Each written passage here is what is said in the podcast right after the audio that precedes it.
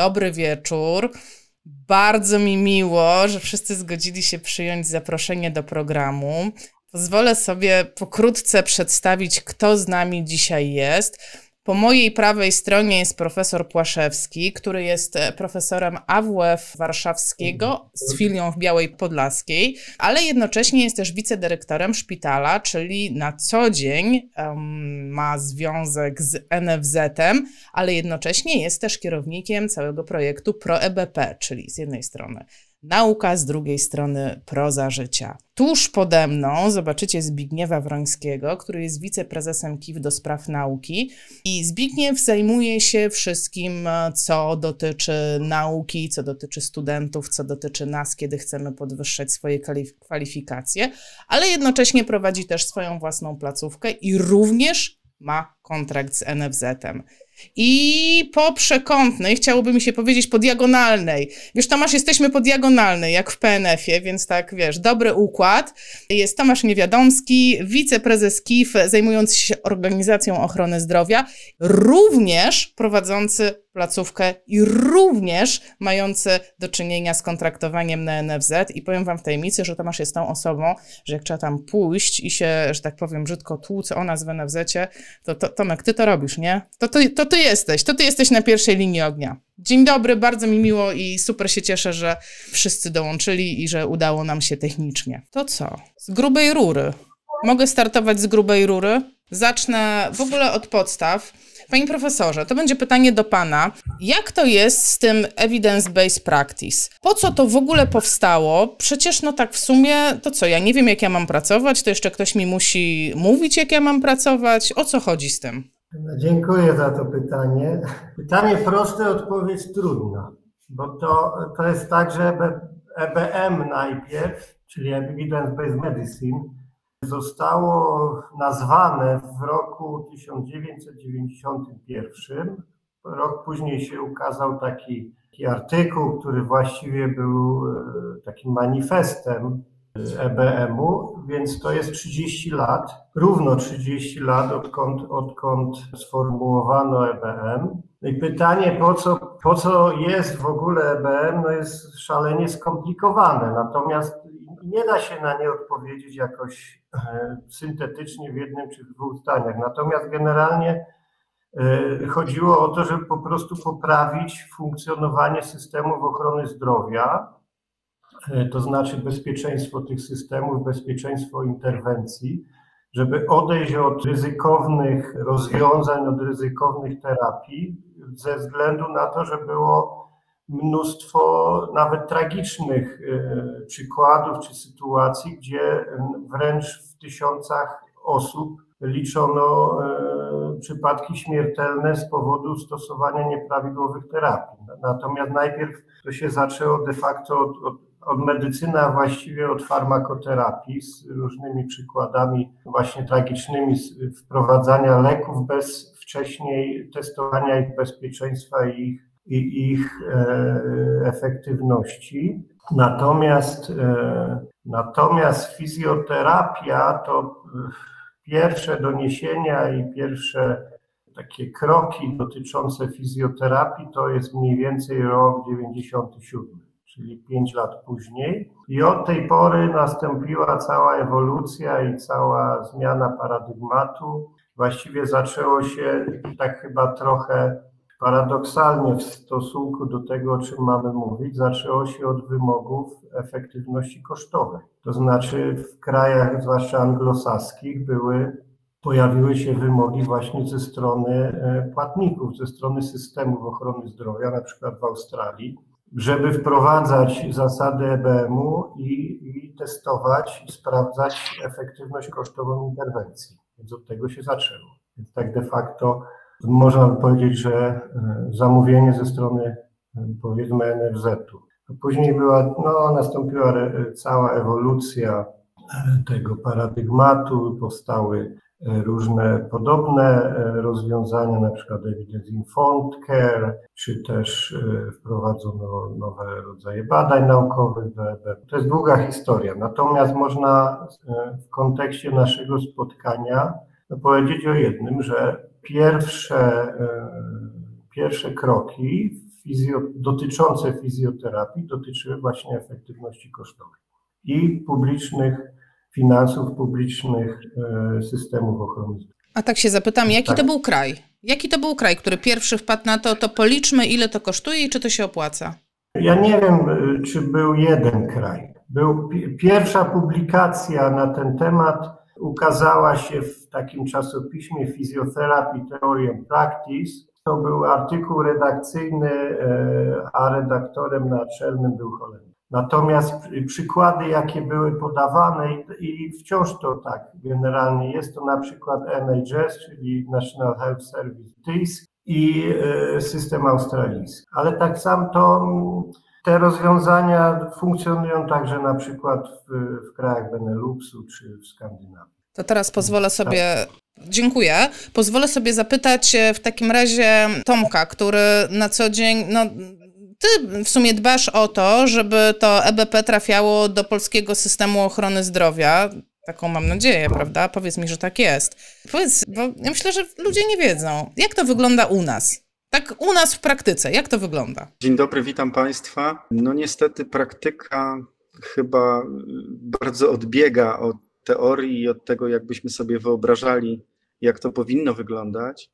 Ja mam takie wrażenie, że z tym naszym publicznym płatnikiem jest tak, że kto wcześniej wstaje, ten decyduje o, o tym, jaki pojawia się przepis. Niestety tak to, tak to funkcjonuje, oczywiście ironicznie bardzo. W polskim systemie ochrony zdrowia powstała taka instytucja, która nazywa się Agencją Badań Technologii Medycznych i Taryfikacji.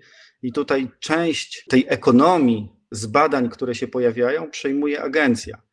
Natomiast my tutaj, jako Krajowa Izba Fizjoterapeutów, no nie mamy zbyt dobrego doświadczenia, dlatego że podam Państwu przykład programu pokowidowego, który był wypracowany przez fizjoterapeutów, zespołu ekspertów fizjoterapeutów, gdzie zgodnie z zasadami Agencji Oceny Technologii Medycznej i Taryfikacji zostały wyliczone również stawki, stawki pracy fizjoterapeuty, wliczone przez fizjoterapeutę, Natomiast nijak się to miało, do, ma, miało i ma do końcowego efektu, czyli badania naukowe, które przedstawialiśmy, wdrożenie programu i systemu, systemu ochrony zdrowia, systemu rehabilitacji czy fizjoterapii, nijak się miały końcowo do właśnie o, o tym, co mówił pan profesor, do, końcu, do końca takiego ekonomicznego, czyli nie grało to napisanie tego programu zgodnie z zasadami naukowymi, nie współgrało z końcowym efektem e, finansowym.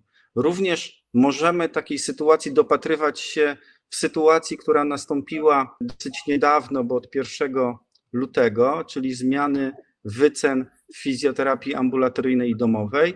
I tutaj również prosimy instytucje zarządzające, czyli Ministerstwo Zdrowia, Narodowy Fundusz Zdrowia, jak i Agencję Oceny Technologii Medycznej i Taryfikacji o pokazanie na podstawie jakich parametrów, na podstawie jakich badań opierała się Agencja Oceny Technologii Medycznej, jak i NFZ, wprowadzając takie zmiany. Te zmiany oczywiście w bardzo wąskim zakresie są były konsultowane z Krajową Izbą Fizjoterapeutów, Natomiast w efekcie końcowym wybrano z tych założeń i z badań, które przedstawiliśmy, wybrano w zasadzie niewiele i, i, i te rzeczy, które mam wrażenie pasowały do tego, jak obniżyć wycenę i jak najtaniej e, wycenić i sprzedać tą usługę. Niestety tak to się odbywa u nas na poziomie fizjoterapii. Nie wiem, jak to jest w innych zakresach, ale mam wrażenie, że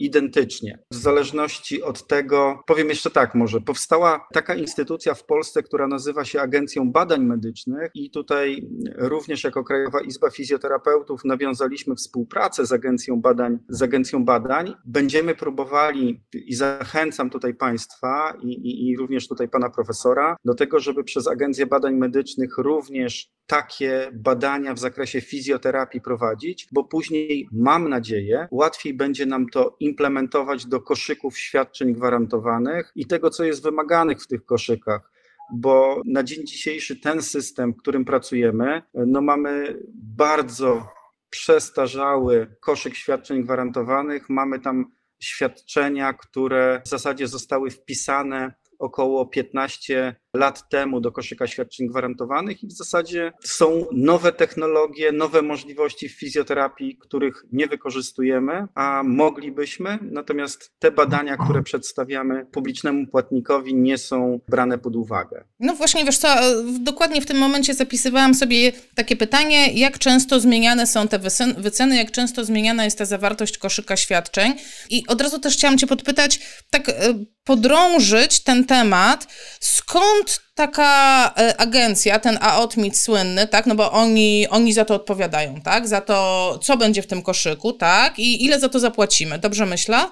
Agencja Oceny Technologii Medycznej i Taryfikacji przede wszystkim została stworzona po to, żeby taryfikować, wyceniać usługi medyczne, natomiast w dużej mierze przejęła też funkcję, przejęła też funkcję organizacji ochrony zdrowia, czyli opiniowania, opiniowania koszyków świadczeń gwarantowanych. I tutaj Ministerstwo Zdrowia, wprowadzając jakąś nową usługę, czy zmieniając e, usługę medyczną, zgodnie z prawem musi zasięgnąć opinii Agencji Oceny Technologii Medycznej i Taryfikacji. Co więcej, wszystkie programy samorządowe, które są realizowane w Polsce, muszą mieć opinię Agencji Oceny Technologii Medycznej i Taryfikacji i potwierdzenie, potwierdzenie również wyceny e, wyceny agencji. No dobrze, ale e, wiesz, ja tak próbuję to sobie wyobrazić, bo to, wiesz, próbuję to ogarnąć w głowie. Jest ta agencja, i w tej agencji są jacyś ludzie. No bo przecież to nie maszyny to oceniają, tylko jacyś ludzie to oceniają. I teraz ci ludzie skądś muszą czerpać wiedzę do tego, żeby dokonać tych ocen, prawda? No i rozumiem, że część tej wiedzy niejako podsuwa im KIF. I teraz pytanie, ile KIF ma władzy, żeby im podsunąć powiedzieć, wiecie co, to jest najnowsza wiedza, tu są wytyczne, tu są, nie wiem, wytyczne z kraju A, z kraju B, z kraju C, nie wiem, międzynarodowe. Ile my mamy takiej mocy, żeby im to podsunąć? I tak naprawdę, no już powiedziałeś, że nawet jak im coś podsuniemy, to oni mało co z tego biorą. Chyba wprost się próbuję zapytać, czy ktoś to kontroluje, co oni sobie tam wybierają.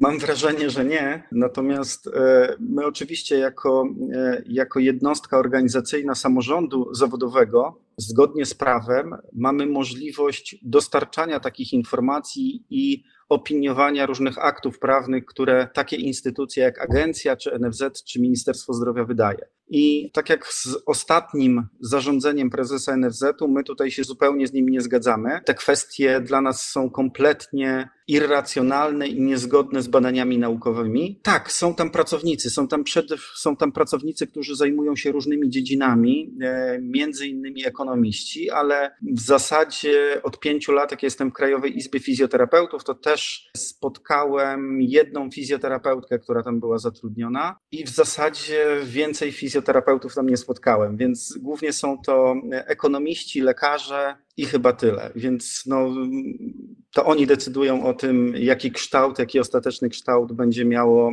będzie miał dany akt prawny czy wycena. To jeszcze mi no powiedz, niestety, jeszcze, no, powiedz mi, jak bardzo, proszę, możemy, proszę. jak bardzo możemy w cudzysłowie potupać nóżką, no, wyrazić tą, to swoje niezadowolenie. Mamy jakieś takie narzędzia prawne, takie typowe, że możemy coś zrobić, ale taką prawdziwą moc sprawczą. Nie mówię o tym, że możemy, nie wiem, opublikować swoje niezadowolenie, wyrazić w mediach, że to jest niezgodne z EBP, tak? Mamy jakąkolwiek moc, żeby wpłynąć na takie instytucje jak AOTMIT? Myślę, że mm, te możliwości mamy oczywiście, ale te, to wpłynięcie zarówno na Agencję Oceny Technologii Medycznej, na NFZ czy na ministerstwo nie może być e, e, spowodowane chęcią zmian tylko jednej instytucji, czyli na przykład Krajowej Izby Fizjoterapeutów. E, my tutaj prosimy i nawet jeżeli chodzi o ostatnie zarządzenie prezesa, e, ja tydzień temu w poniedziałek spotkałem się ze wszystkimi wiceministrami zdrowia oraz z prezesem Agencji Oceny Technologii Medycznej i prezesem NFZ-u i rozmawialiśmy o wycenach w fizjoterapii domowej i powiem tak, no bardzo krótko, no stwierdzono tam na koniec, że ponieważ to tylko Krajowa Izba Fizjoterapeutów bije pianę, natomiast wszyscy inni są zadowoleni, bo nie ma żadnych uwag po wprowadzeniu, powtarzam, po wprowadzeniu zarządzenia, nie ma uwag do e, żadnej z instytucji e, zarządzających, czyli Ministerstwa Zdrowia i NFZ-u, więc wszystko jest ok.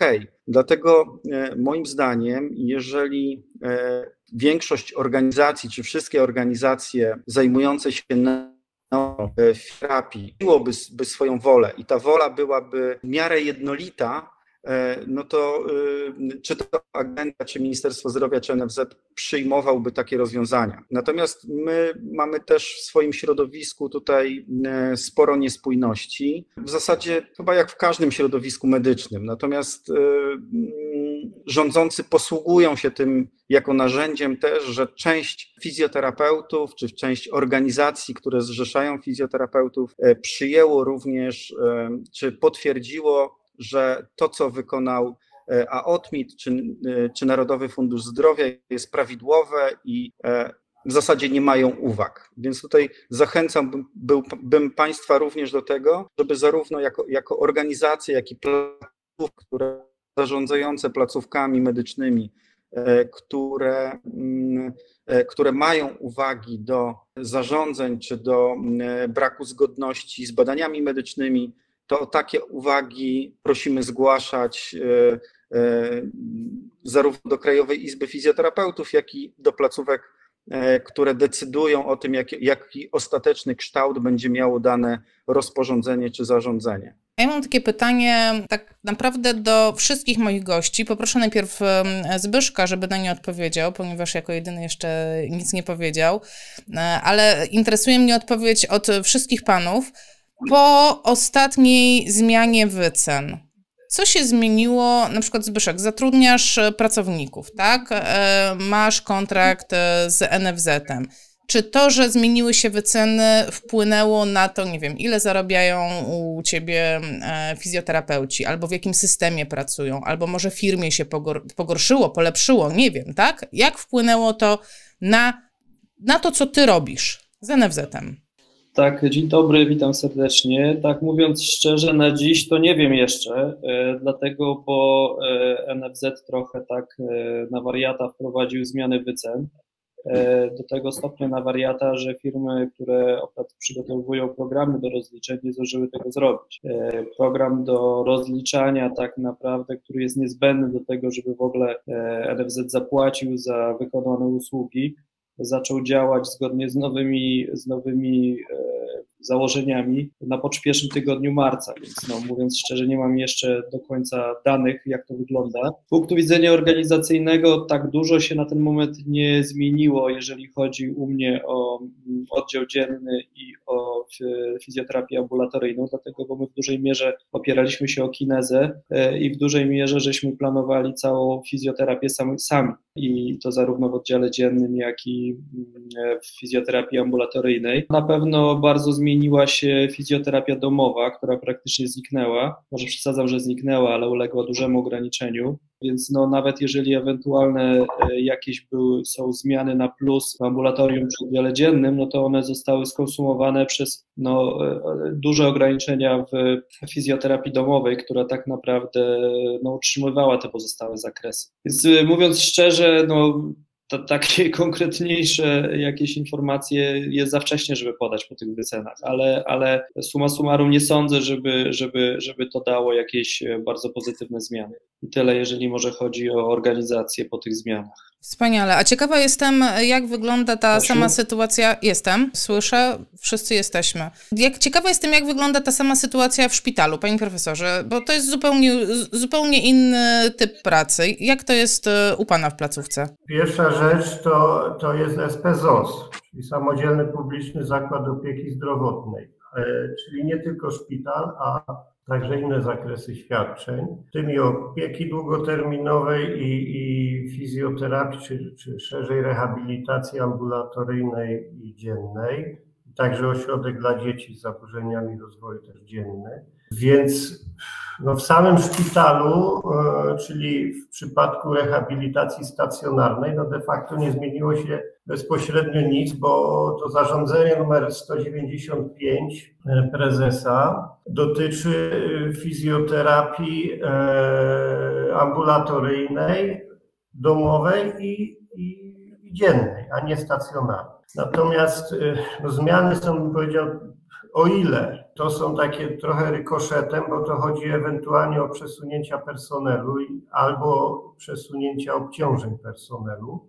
Więc tutaj tak samo powiązanie fizjoterapii ambulatoryjnej z, z ośrodkiem dziennym, bo to, to też, też są naczynia połączone. Natomiast no ja skoro jestem przy głosie, to, to z dużą uwagą słuchałem tego, co mówił pan prezes Niewiadomski. No, kluczowa właśnie rzecz, którą Pan y, poruszył, to jest agencja HTA, czyli u nas Agencja Oceny Technologii Medycznych i Taryfikacji. Zresztą to i taryfikacji to zostało dodane kiedyś po drodze, parę lat temu. Y, no to y, co do zasady, to właśnie agencja, agencje HTA no są takim produktem, bym powiedział, powiązanym z EBP. Więc e, my powinniśmy być zadowoleni, że taka agencja jest.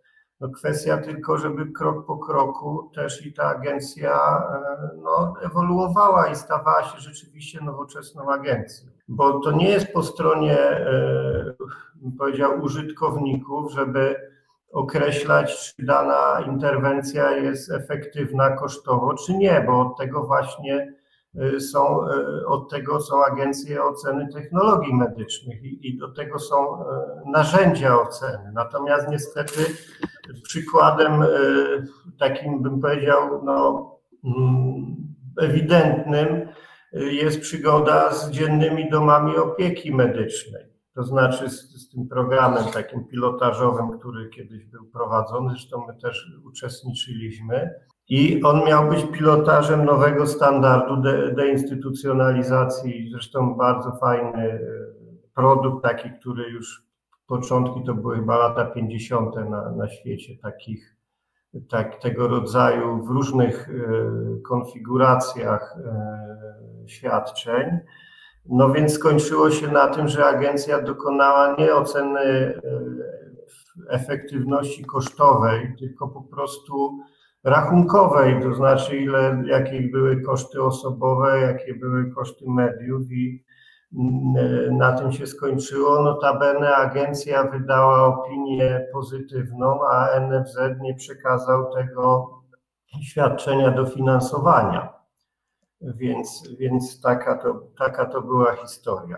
A co do tego, czy to zarządzenie prezesa to ostatnie, które weszło w lutym, co, coś zmieniło diametralnie, no to u nas, y, ja mogę powiedzieć, że jest podobnie jak u Zbyszka, to znaczy nasz zespół fizjoterapeutów też generalnie pracuje w oparciu o, o ten, ten produkt z końcówką 84 chyba, czyli, czyli te pół godzin, ta półgodzinna praca indywidualna z pacjentem plus oczywiście jeszcze inne, tak żeby średnio powiedzmy sobie do, do tych, tych, tego pułapu pięciu e, się, nie, się ograniczyć, więc jakichś zmian diametralnych my, my nie widzimy. Natomiast rzeczywiście, jeśli ktoś się opierał na fizykoterapii, to sądzę, że może być problem, bo tu też wprowadzono to grupowanie na te, na te F0, F02, F01A, te grupy e, świadczeń. Natomiast e, dla mnie jest jedna kwestia, że no, no to jest zmiana zarządzenia w zakresie tego załącznika 1M, który stanowi załącznik numer 1 do rozporządzenia i zmiana załącznika 1N, który stanowi załącznik numer 2 i tak dalej. Dlatego o tym mówię, że to jest już gąszcz taki przepis, to jest takie łatanie czegoś, co kiedyś tam powstało, natomiast e, w wydaniu nowoczesnym po prostu powinno się wprowadzać nowoczesne, wytyczne praktyki, tworzone według e, efektywnych wzorców przez wielodyscyplinarne zespoły z przedstawicielstwem różnych interesariuszy i to wdrażać, bo łatanie tej tabeli i, i, i takie przerzucanie się trochę punktami przy tej samej konfiguracji de facto, która jest od, nie zmienia się, no do, do, to, są, to są działania takie bym powiedział doraźne, a nie, a nie działania zasadnicze. No, tam jest szereg przykładów, na przykład y, elektrostymulacja jest odrębnym produktem niż, prąd, niż prądy kotsa. Przecież prądy kotsa są jednym z rodzajów elektrostymulacji. Albo na przykład jest literalnie wymieniony laser y, skaner i tak dalej. No, y, to jest pewien zamknięty zbiór interwencji i tak, takich, a nie innych, przy jeszcze jakimś archaicznym nazewnictwie, więc wydaje mi się, że tak, tak samo tutaj jest y, kwestia ewidentnie wprowadzenia zmian. Tak samo takie, bym powiedział, z grubej rury przyporządkowanie do kinezyterapii y, czasu 15 minut y, właściwie przy praktycznie każdym produkcie, na przykład ćwiczenia izometryczne minimum 15 minut, no to jest takie no trochę, trochę bym powiedział mocno szablonowe podejście. No, ja bym tak trochę skomentował ten to No właśnie. Y, poruszył Pan y, niesamowicie ciekawą rzecz i ja tą, ja tą bombę pozwolę sobie zrzucić na, to, na Tomka.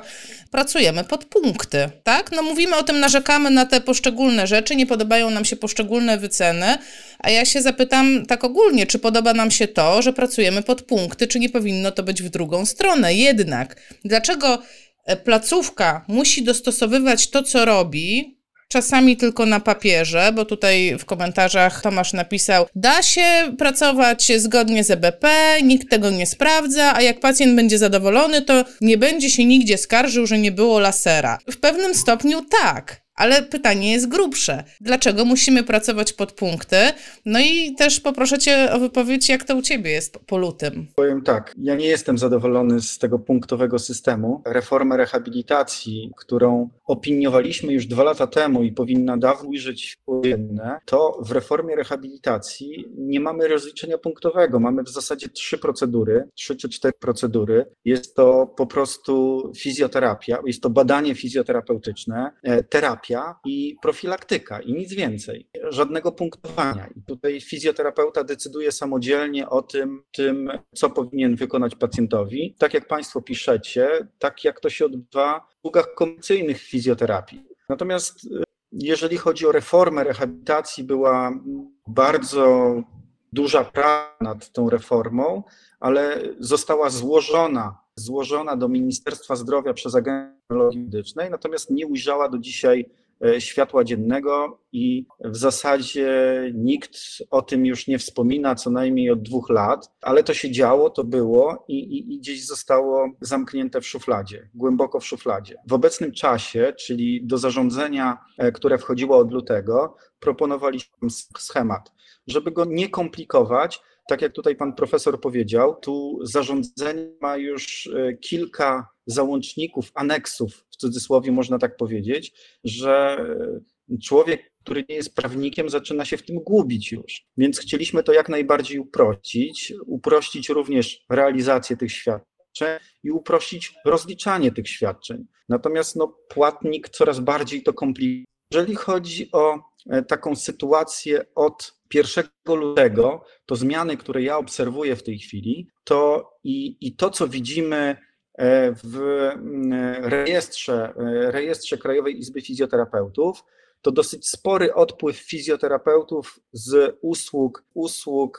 mm, z NFZ-u do usług prywatnych. I jest to taka tendencja, którą obserwujemy od e, dwóch lat i około 4000 fizjoterapeutów w zasadzie odeszło z usług refundowanych na rzecz usług komercyjnych. Kolejna rzecz, o, o, która, która e, nasila się jeszcze po e, wprowadzeniu zmian w lutym, to wydłużenie kolejek oczekujących. To dla pacjentów jest, no bo Narodowy Fundusz Zdrowia jako argument mówi, że dorzucił do systemu kilkanaście milionów złotych. Natomiast no ja pytam, gdzie te pieniądze są? Oczywiście zmniejszenie wycen poszczególnych procedur, a zwiększenie kwoty globalnie realizacji usług medycznych no powoduje, że za mniej pieniędzy musimy wykonać więcej usług medycznych no nie sprzyja to, nie sprzyja to rozwojowi fizjoterapii, nie sprzyja to, nie sprzyja to y, chęci pozostawaniu fizjoterapeutą w usługach refundowanych, bo jakość udzielania usług może znacznie się zmniejszyć sytuacji. Ja Państwu powiem jeszcze też jako ciekawostkę, a propos tych punktów, Narodowy Fundusz Zdrowia po wprowadzeniu tego nowego zarządzenia mówi o spłaszczaniu różnic między regionami. To ja Państwu powiem, że te różnice są takie, że rozpiętość wyceny punktowej w Polsce jest znaczna w fizjoterapii ambulatoryjnej i domowej, bo jest ona z ostatnich informacji, które dostałem z Narodowego Funduszu Zdrowia, to punkt jest wyceniony od 0,75 groszy do złoty 10 w poszczególnych placówkach w Polsce. I proszę sobie wyobrazić, że e, w usłudze domowej, która jest wyceniona bardzo źle, bo pół godziny pracy to jest 29 punktów, przecinek 52, to e, różnica z poszczególnymi regionami w Polsce, e, przytoczę tutaj procentowo, bo Narodowy Fundusz Zdrowia też uwielbia procenty, to jest 47% różnica e, w płaceniu w poszczególnych regionach.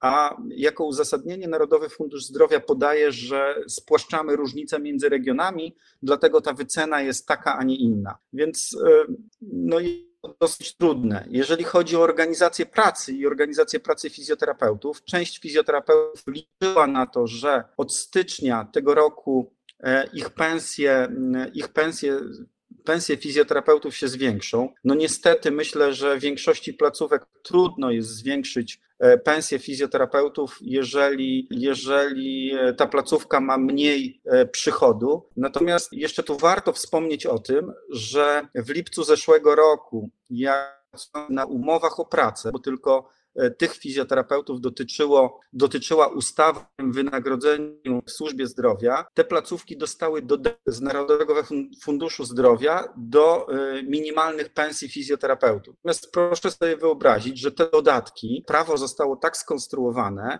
w innym akcie prawnym, nie w tej ustawie, tylko w ogólnych warunkach umów, narzucono, który koryguje te pensje jeżeli zmieni się taryfikacja czy wycena w poszczególnym zakresie świadczeń. Czyli jeżeli w fizjoterapii domowej czy w fizjoterapii ambulatoryjnej zmieniła się wycena, a tak się stało w lutym, to wskaźnik korygujący zabierał te dofinansowania do pensji fizjoterapeutów. Oczywiście mam nadzieję, że pracodawcy nie zmniejszali pensji fizjoterapeutów, natomiast no, są zmuszeni do utrzymania e, fizjo na takim samym poziomie jaki wcześniej e, dofinansowywał Narodowy Fundusz Zdrowia. Natomiast jest to bardzo trudne, bo e, no tak jak Państwo widzicie, te punkty są tak powyceniane beznadziejnie. Najchętniej E, tych punktów byśmy się pozbyli i chcielibyśmy, żeby fizjoterapeuta dostawał, dostawał wynagrodzenie, e, rozliczał wynagrodzenie z publicznym płatnikiem za czas, który poświęcił pacjentowi. Fizjoterapeuta, procedury fizjoterapeutyczne potrafi zaplanować proces terapeutyczny i wie, jakie procedury terapeutyczne powinien wykonać najszybciej wrócił do pełnego zdrowia. To ja sobie pozwolę w takim razie przez chwilkę pofantazjować, no bo jakbyśmy chcieli, żeby wyceniane było to, jak długo my pracujemy z pacjentem, no to też pewnie ja bym sobie życzyła, żeby respektowano moją wiedzę. Czyli jeżeli ja uważam, że powinnam się spotkać z pacjentem dwa razy w tygodniu przez pięć tygodni, to, że to będzie respektowane. A jeżeli będę uważała, że ten pacjent potrzebuje czterech tygodni dzień w dzień, to to również będzie respektowane. I tutaj zwrócę się do Zbyszka.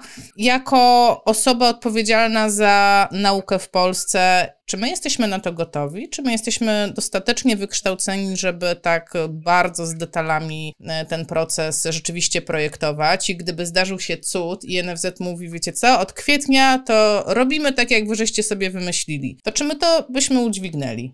Y, oczywiście, żebyśmy udźwignęli.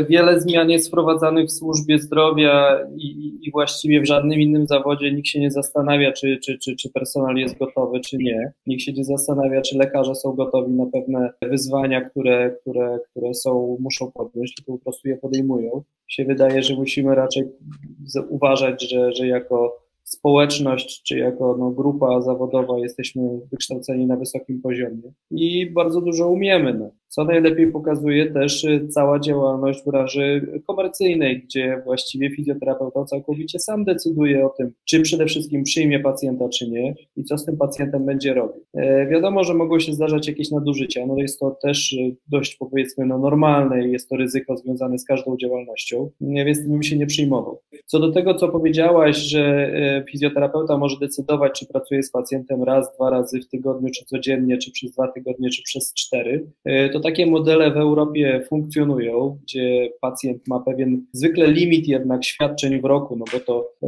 niestety żaden system nie jest tak pojemny, żeby takie świadczenie jak rehabilitacja mogło być totalnie nielimitowane, no ale powiedzmy ma 30, 40 czy 20, czy zależnie od kraju i zwykle poziomu ubezpieczenia określoną ilość tych wizyt w roku i w ramach tych wizyt w roku e, może, może z fizjoterapii skorzystać. Ja pracuję na rynku komercyjnym od bardzo dawna, w ramach NFZ-u też pracuję od bardzo dawna. Wiem, że pacjenta komercyjnego mogę właściwie no, poprowadzić czasami z wizytą raz w tygodniu, czasami raz, nawet raz na miesiąc.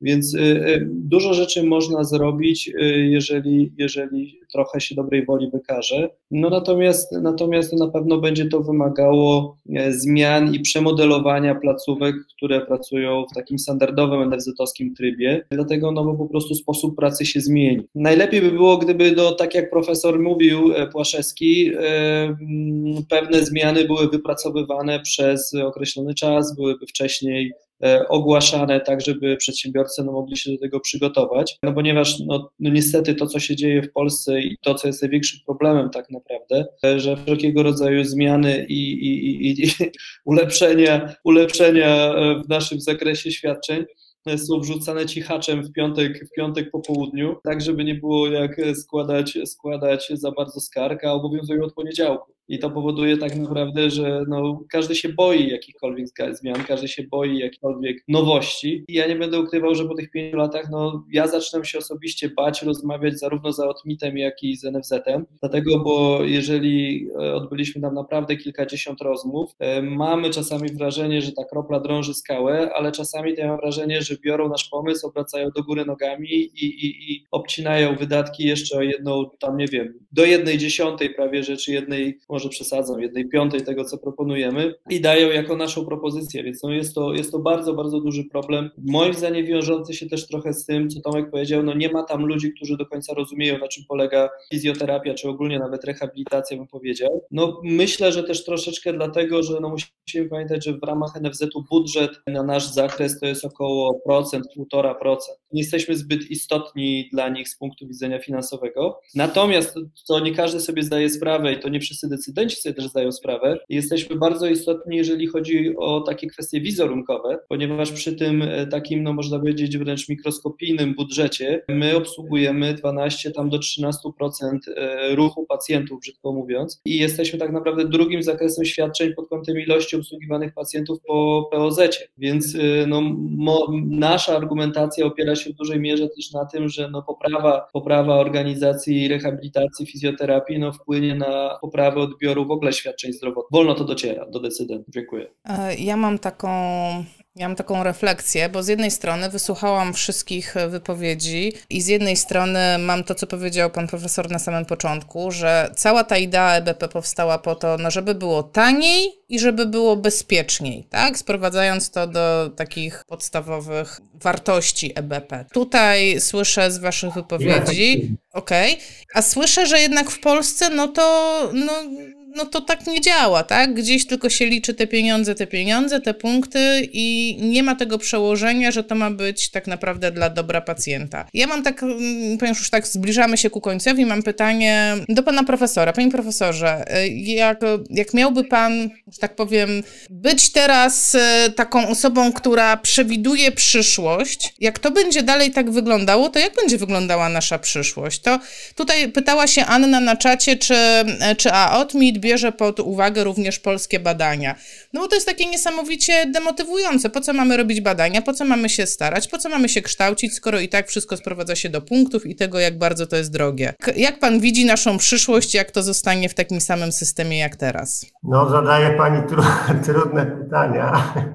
Ja bym to, to jest tak, no wypada jakiś rozważ, formułować rozważne odpowiedzi. Moje wrażenia, czy, czy takie, bym powiedział, retrospekcje, czy refleksje z, z, z życia zawodowego i, i, i, powiedzmy uczelnianego i, i, i w systemie ochrony zdrowia, tak to nazwę, są takie, że, że jak spojrzę sobie wstecz o te 10-15 lat, to wydawało się, że, że generalnie, że my jesteśmy tu jakimiś outsiderami kompletnie, jakieś po, pojedyncze osoby, które mówią coś o, nie o badaniach z randomizacją albo o przeglądach systematycznych. Natomiast przez ten czas naprawdę y, w środowisku u nas się dużo dobrego wydarzyło. Są młodzi ludzie, którzy świetnie publikują, którzy i nie tylko młodzi ludzie, którzy świetnie publikują, którzy funkcjonują międzynarodowo. Ja bym, ja bym tego wszystkiego nie widział w takich czarnych kolorach. Naprawdę.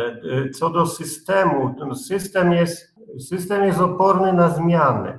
Mówię o, systemie jako o strukturze, nie jako o ludziach, ale jako oczywiście tą strukturę tworzą ludzie, więc zawsze jest inercja.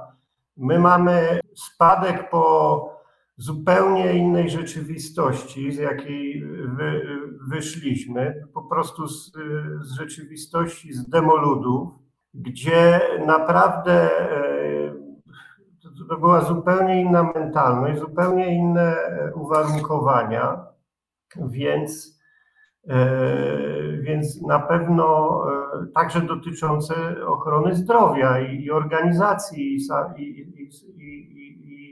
i, uwarunkowań w tym w ochronie zdrowia. Więc oczywiście, że mamy, że jest bardzo, bardzo dużo do zrobienia że są, że są ogromne trudności, natomiast patrząc na środowisko, patrząc na, na, na, na inicjatywy ze strony ludzi, na to, że, że, że jednak coś się, coś się dzieje, ja bym nie był aż takim, aż takim pesymistą, co, co do zasady. To, to dobrze. Natomiast, natomiast oczywiście, oczywiście, że sytuacja jest, jest publicznej służbie zdrowia i w rehabilitacji jest, jest, jest niezwykle trudna. To, o czym pan e, prezes Niewiadomski wspomniał, współczynniki korygujące, no przecież one zjadają e, tą, e, mówię o pracodawcach, one, one zjadają tą, tą, tą podwyżkę i te, tą, nazwijmy to, pomoc finansową dla pracodawców. No po prostu to jest z powrotem przerzucane, obciążenie finansowe jest z powrotem przerzucane na pracodawców. Wydaje się, że wzrasta finansowanie świadczeń, natomiast z tego finansowania to pracodawcy będą pokrywać, czy już pokrywają te lipcowe podwyżki. To ja tak e, zwrócę się w takim razie do Tomka Niewiadomskiego. Wlej w nasze serca odrobinę nadziei, co się musi wydarzyć, żeby ten NFZ, ten AOTMIT, to ministerstwo, żeby no, dostrzegli potrzebę zmian, może jest coś, co my możemy zrobić, przeciętny fizjoterapeuta. Kto to w ogóle musi o to walczyć, skoro, skoro no jak do tej pory to jest no jednak mało skuteczne. Co się musi wydarzyć, żeby, e, no żebyśmy nie przeszli wszyscy do sektora prywatnego? Te głosy się słyszy. Paulina napisała na czacie, e, że dojdzie do całkowitego sprywatyzowania fizjoterapii. No ja liczę na to, że nie, bo jednak chciałabym, żeby była dostępna dla wszystkich, a prywatna to niedostępna dla wszystkich jednak. Mam nadzieję również, że do tego nie dojdzie.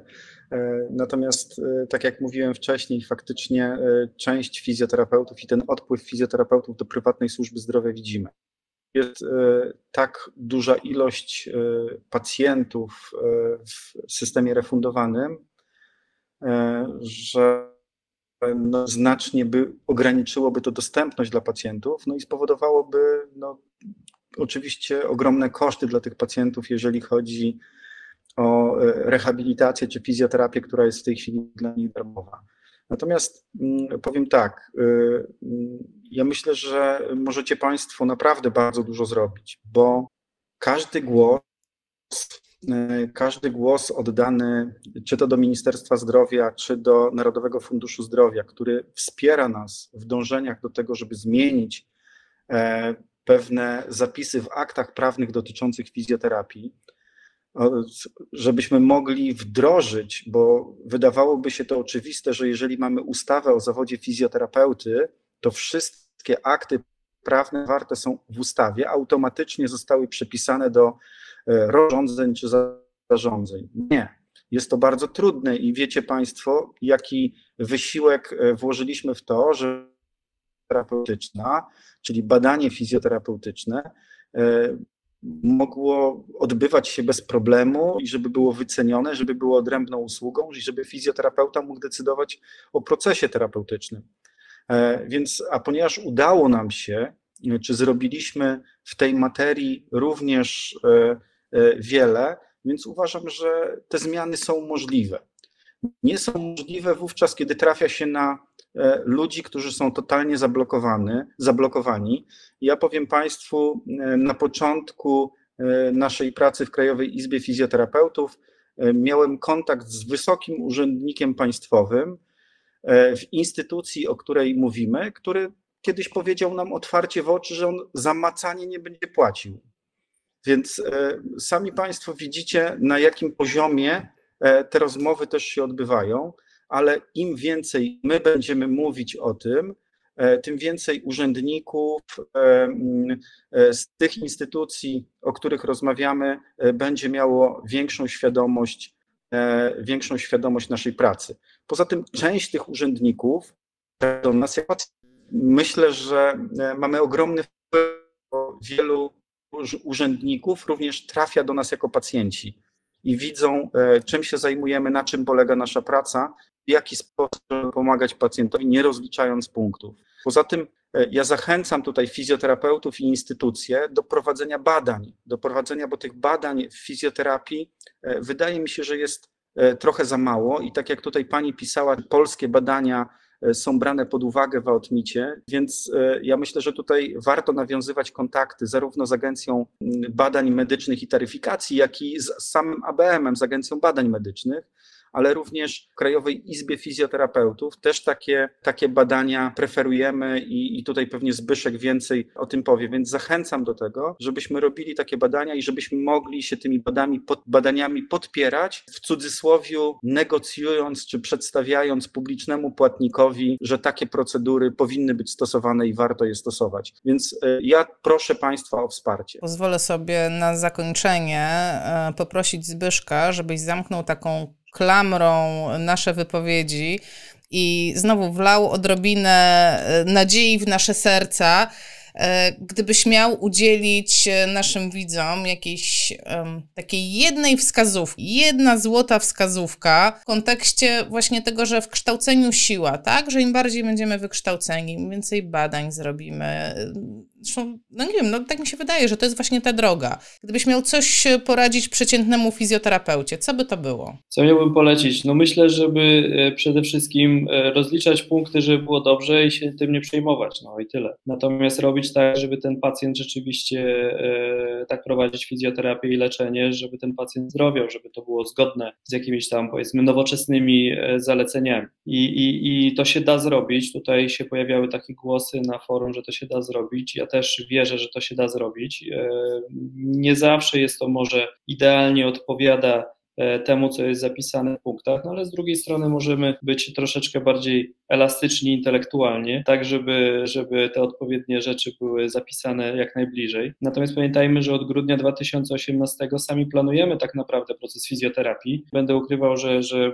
robiliśmy to dużo wcześniej, natomiast od tego 2018 możemy to robić oficjalnie. Natomiast to wiem, że nadal są placówki, gdzie jak lekarz zapisze, tak, tak jest robione, tam laser przez koszulkę i tak dalej, więc no, to trochę zależy w dużej mierze od nas, też się musimy uderzyć w pierś, ale, ale ja, ja, ja akurat tutaj uważam, że nawet w takim systemie można pracować dobrze i, i do, tego, e, do, tego, do tego wszystkich namawiam. Co do nauki i co do rozwoju, to jak najbardziej uważam, że to jest, e, że to jest e, super ważne ponieważ nawet te obecne wytyczne często, często są, no, można powiedzieć, takim, z takim zawodem się spotykają wśród fizjoterapeutów, praktyków, bo nie dają takich jasnych wytycznych, jasnych wskazówek, co powinno być robione. No, dzieje się tak przede wszystkim dlatego, że tych badań jest ciągle mało i ciągle, ciągle nasz zawód się rozwija i, i ciągle uczymy się, e, jak ciało funkcjonuje w pewnych określonych sytuacjach. Pewne, pewne założenia, które były mm, e, uznawane za skuteczne jeszcze, nie wiem, 5 lat temu, teraz, teraz się zmieniły, więc no, na pewno warto to śledzić. No i jako taki element zachęcający na pewno, na pewno uważam, że już pewnie niedługo będzie działała